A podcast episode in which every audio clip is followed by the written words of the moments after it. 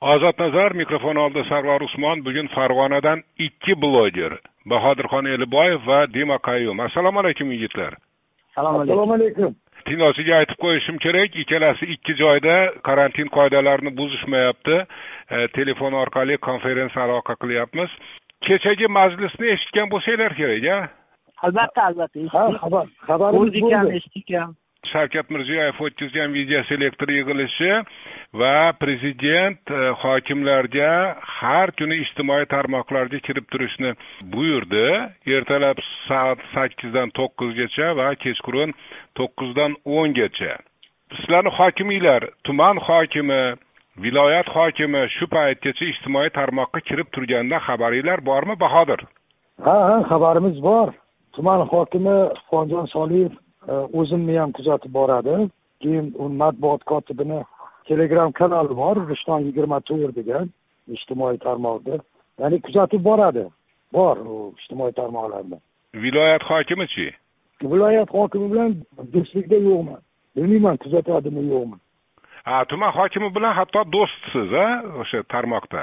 Ha ha tarmoqda do'stman ha. U kishi kuzatib boradi. u kishi o'zi ham postlar qo'yadimi yo'q o'z qo'ymaydi. Yaqinda e, xabaringiz bormi yo'qmi oyim bilan e, aylanib yurganimizda skameykalar masalasini ko'taruvdik ertasiga tuman hokimi bu masalani e, yaxshi mavzuligini aytib hozir o'ttizta skameykalarga buyurtma berilgan ekan. Shu kinoteatr oldi va yangi bo'lgan trotuarlar uchun o'ttiztacha hozircha nima qilyapmiz? O'rnashtirilganda yana rasmga olib uni chiqaraman. Demak tuman hokimini ijtimoiy tarmoqqa kirganini bir foydasi deb tushunyapsizda buni a o'sha sizni postingizni ko'rgan. Ha yaxshi. Diymas siz qanday fikrdasiz? Do'stlaringiz bormi hokimlardan? Yo'q, Hmm. yo'q yo'q. Mani fikrim boshqacharoq. Umuman tuman viloyat miqyosidagi rahbarlarni ijtimoiy tarmoqqa kirishga vaqti ham yo'q. Birinchidan faqat juda globalniy bir muammo bir nimalar tanqidiy fikrlar chiqib qolsa kirishi mumkin. Asosan e, viloyat tuman hokimlarini nima deydi? Shu matbuot kotiblari hisobiki o'ziga qarashli shaxslar shu kirib shunaqa axborotlar chiqibdi deb asosan shunaqa muammoli bir global muammolarni telegramiga tashlab tashlab tashlab turadi.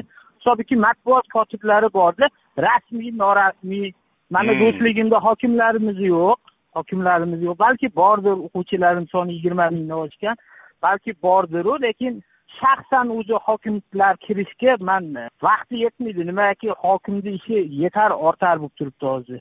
Ho'p e, hokimni ishi yetar ortar bo'lib turibdi lekin mana prezident mirziyoyev buyurdi va bundan keyin xohlasa ham kiradi xohlamasa ham kiradi. Kirishga kiradi boshida kirishadi o'rganishadi muammolarni hal qilib berishi mumkin.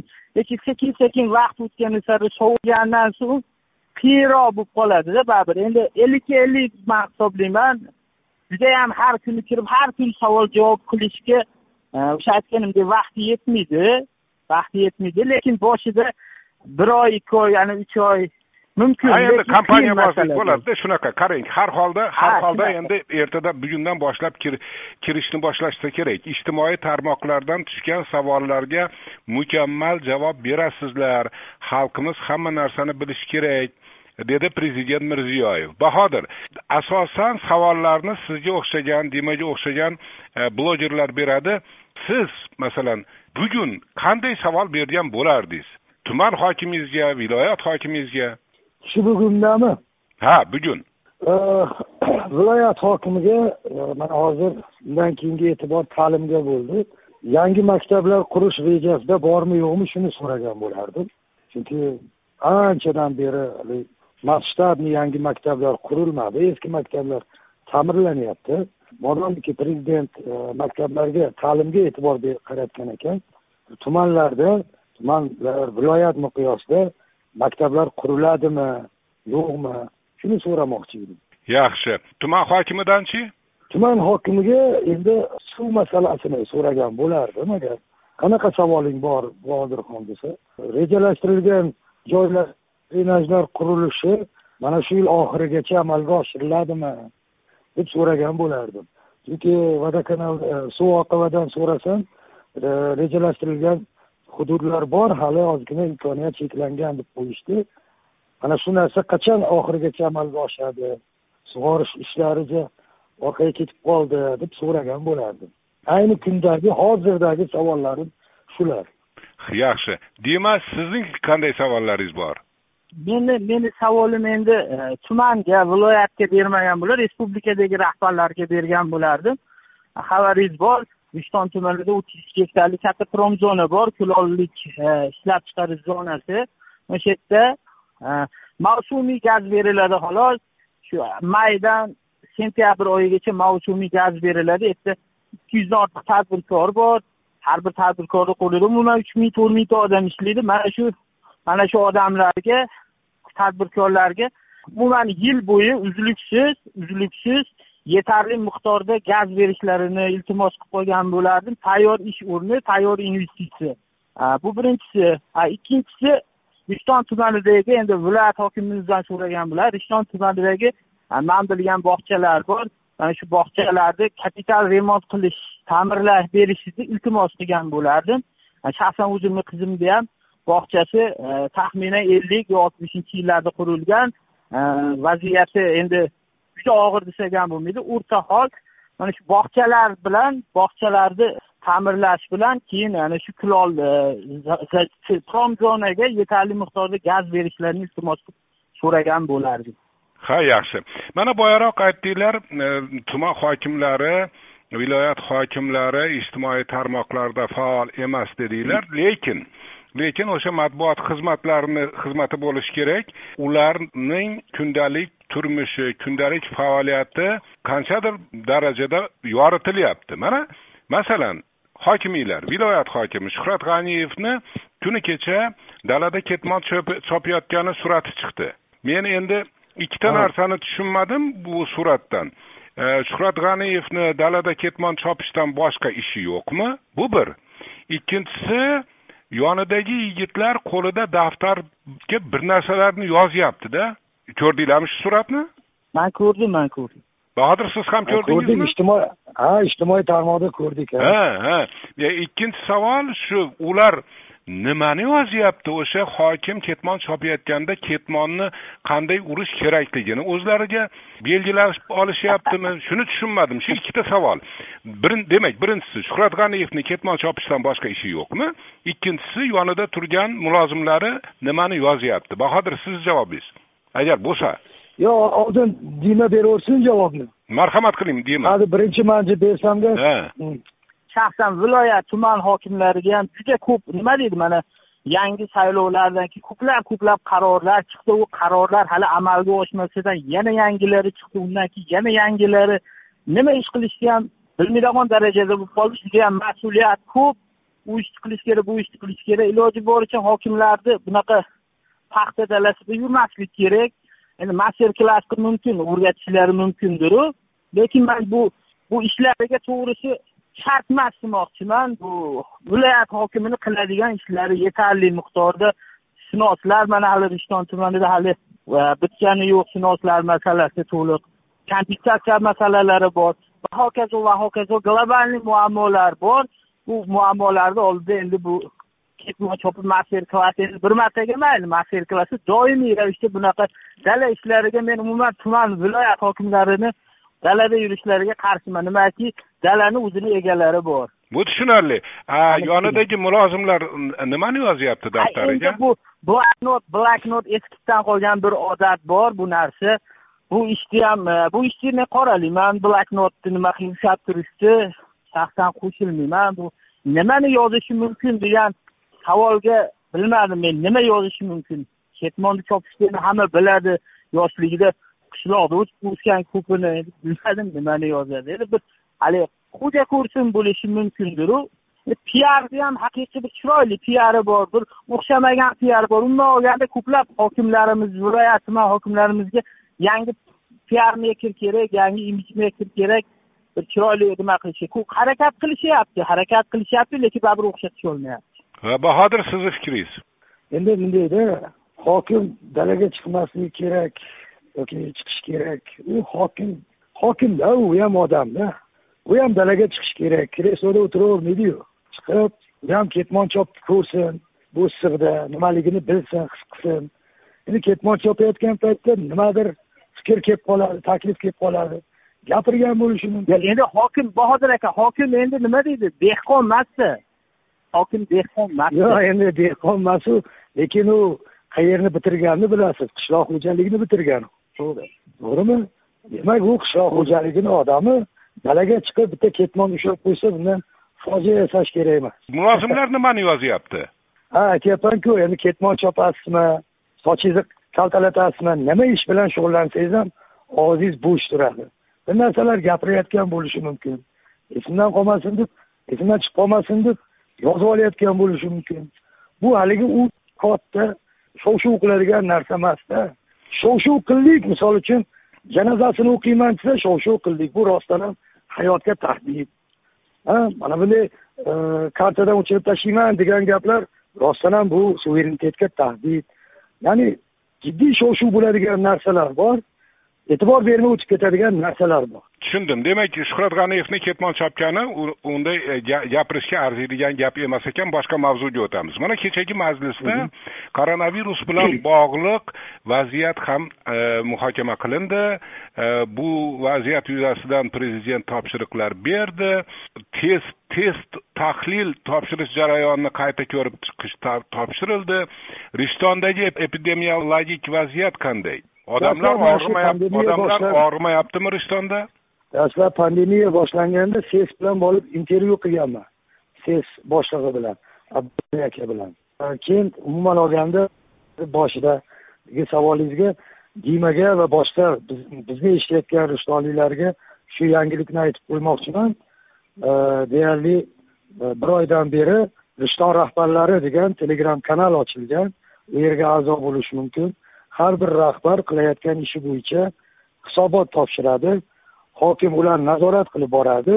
Parallel ravishda aholi ham uni ko'rib turadi. Kim nima qildi hammasini rasmlari bilan birga har kungi ishini tashlab turadi. Xuddi shuni ichida ses xodimlarniki ham bor. Ya'ni ses xodimlari ham har kuni hisobot berib boradi. Manimcha dima ukamiz hali u kanalga a'zo emas. A'zo bo'lishsa har bir rahbariyatni faoliyatidan boxabar bo'lib borishardi. Endi pandemiya sharoitiga kelsak hozirgi rishtonda birinchi navbatda moddiy ta'minot e, to'xtab turibdi. Dori darmonlar masalasi va hokazolar oldingi dastlab boshlangan e'tiborchalik emas hozir.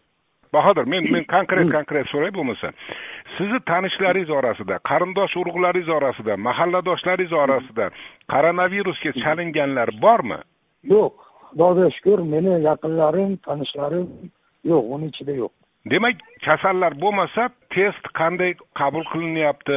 Tahlil uchun e, o'sha biomateriallar qanday olinyapti? Undan xabaringiz yo'q va test qanday o'tkazilyapti? Undan ham xabaringiz yo'q. E, dori darmon dori darmon oldingiday emas deyapsiz. Nimaga asoslanib aytyapsiz buni? Agar e, tanishlaringiz mahalladoshlaringiz orasida e, kasallanganlar yo'q bo'lsa. Dori darmon emas ta'minot oldingidek emas dedi. Nimani ta'minoti? Mana qarangda uyda qoling deyilyapti. Odamlar uy ko'chaga chiqmayapti. Ko'chaga chiqmagandan keyin pul topish muammo bo'lib qoladi. Uni yedi ishtisi bor. Shunaqa paytda e, dastlabki oylarda tuman hokimiyati odamlarga yordam beryotgandi oziq ovqat bilan. Ana endi hozir birinchi avgustgacha yana karantin kuchaytirilgandan keyin ya'ni mana bu o'n bir to'qson yetti degan raqam moda bo'ldiyu. Shunday moddiy ta'minot e, oziq ovqat ta'minoti yana kuchga kirishi kerak edi. Mana shu narsa hozircha e, kuzatilmayapti. Tushunarli. Demak siz sizni qarashlaringiz sizni kuzatishlaringiz? Mani qarashlarim endi moddiy ta'minot deyishdi akamiz. Moddiy ta'minotni man rishton tumanida o'sha kam ta'minlangan oilalarga shu martdan beri mana kecha ham hali ham davom etyapti bir yarim mingdan ortiq haqiqiy qiynalgan haqiqiy qiynalgan oilalarga kerak bo'lsa e, ikki martadan uch martadan kirgan oilalarimiz bo'ldi. O'sha oilalarga taxminan yigirma kun bir oyga yetadigan oziq ovqat mahsulotlarini shu bloger o'rtoqlarimiz do'stlarimiz tadbirkor akalarimiz yordamida bir yarim mingdan oshiq buyog'i Э, qirg'iz millatiga mansub e, o'zbek fuqarolari bor ishtonda buyog'i pattes degan joylari bor. O'sha yergacha borib o'sha mahalladagi eng haqiqiy qiynalgan real qiynalgan oilalarga eng kamida har bir bozorligimiz ikki yuz mingdan oshiq bir yarim e, xarajatni bir yarim mingdan oshiq oilalarga tashlab keldik. Manimcha moddiy ta'minotga qiynalgan oilalar bor haliyam bu aksiyamiz haliyam davom etyapti kecha ham yaqin o'ttiz ikkita oilaga tashlab keldik ikkinchi uchinchi krug desa ham bo'ladi demak faqat bir narsaga aniqlik kiritib qo'yishimiz kerak moddiy ta'minot der ekan bahodir elboyev hokimiyatning ishini nazarda tutyapti to'g'rimi bahodir to'g'ri to'g'ri to'g'ri to'g'ri ishini ha siz demak o'zingizga o'xshagan blogerlar bilan e, birgalikda uyushtirgan xayriyani aytyapsiz albatta. Hokimiyat tomonidan ham berildi. Hokimiyat tomonidan ham man shaxsan o'zim farg'onadan yuzdan oshiq oilalarga o'sha mahalla va oilani qo'llab quvvatlash jamg'armasi tomonidan rishton tumaniga ajratilgan o'sha qiynalgan oilalarga shaxsan o'zim borib yuzta paketda olib kelib o'sha tegishli odamlarga tarqatishga ko'makchi bo'ldik. Ular ham harakat qilyapti qo'ldan kelganicha. Bu tushunarli. Desam man o'zim ham harakat qilyapmanki yana davom etyaptiki bu narsani shu pandemiya karantin tugaguncha xudo xohlasa harakatda biz. Ho'p e, boya bahodirga berganim savol. Koronavirus bilan bog'liq qarindoshlaringiz mahalladoshlaringiz tanish bilishlaringiz orasida shu kasalga chalinganlar bormi? Yo'q bu haligi gap chiqdiyu bu kasallik shaharni kasalligi degan xudoga shukur mani qarindosh urug' umuman tanish bilish nima deydi har bir gap bozorga yetib keladi? Rishton tumanida xabar eshitganim yo'q baribir kelgan bo'ladi eshitgan bo'ladiki xudoga shukur yo'q. Bunaqa viruslar ilohim bo'lmasin ham eson omon o'tib olaylik bunaqa og'ir kunlarda haligi gapimga qo'shimcha qilgan bo'lardim o'sha hokimiyat tomonidan berilayotgan berilishi kerak bo'lgan bir bodir akam aytishdi oziq ovqatlarga mana shu ish haqiqatdan ham yana davom etishi kerak. Hokimiyat tomonidan ham shu tumandagi man bilishim bo'yicha sakkiz yuzdan ortiq ro'yxatda turgan haqiqiy qiynalgan oilalar bor. Mana shu oilalarga sekin sekin ham moddiy ham oziq ovqat bilan bu ta'minlashi kerak. Shart bu narsa. Undan tashqari o'rtahol oilalar ham nima deyiladi sekin past bo'ldi. Ular ham shu narsaga zarar bo'lib qolyaptida qiynalib qolyapti. O'rtahol oilalar ham. Endi yana bir mavzu qo'shimcha qilsam marhamat qiling marhamat qiling bu faqat dimaga qaratilmagan bu gap. Faqat dimani gapi manga shu gapni esga soldi xolos butun o'zbekistonga aytiladigan gap. Mana shunday pandemiya sharoitida kam ta'minlangan va qiynalgan oilalargagina yordam berish bu noto'g'ri. Bu inson huquqlariga e, tahdid bo'ladi. Chunki bir oila u kam ta'minlanganmi kam ta'minlanmaganmi boymi u baribir fuqaro hisoblanadi. Uyda o'tirishga majbur bo'lgandan keyin unga yordam bo'lishi kerak. Bu yerda fuqaro boyligidan kambag'alligidan qat'iy nazar davlatdan kerakli yordamni olishi kerak. Bu haligi zakot emas bu sadaqa emas bu davlatni majburiyati. Uni moddiy ahvolidan kelib chiqib boylarni diskriminatsiya qilish to'g'ri kelmaydi. Davlat majburiyatni bajarishi kerak. Bu boy bunga yordam bermaydi degan gap bo'lmaydi bunaqa ishda. Diniy nuqtai nazardan qaramaslik kerak. Ho'p endi keyingi kunlarda so'xliklardan shikoyatlar kelyapti so'xga o'tolmayapmiz degan.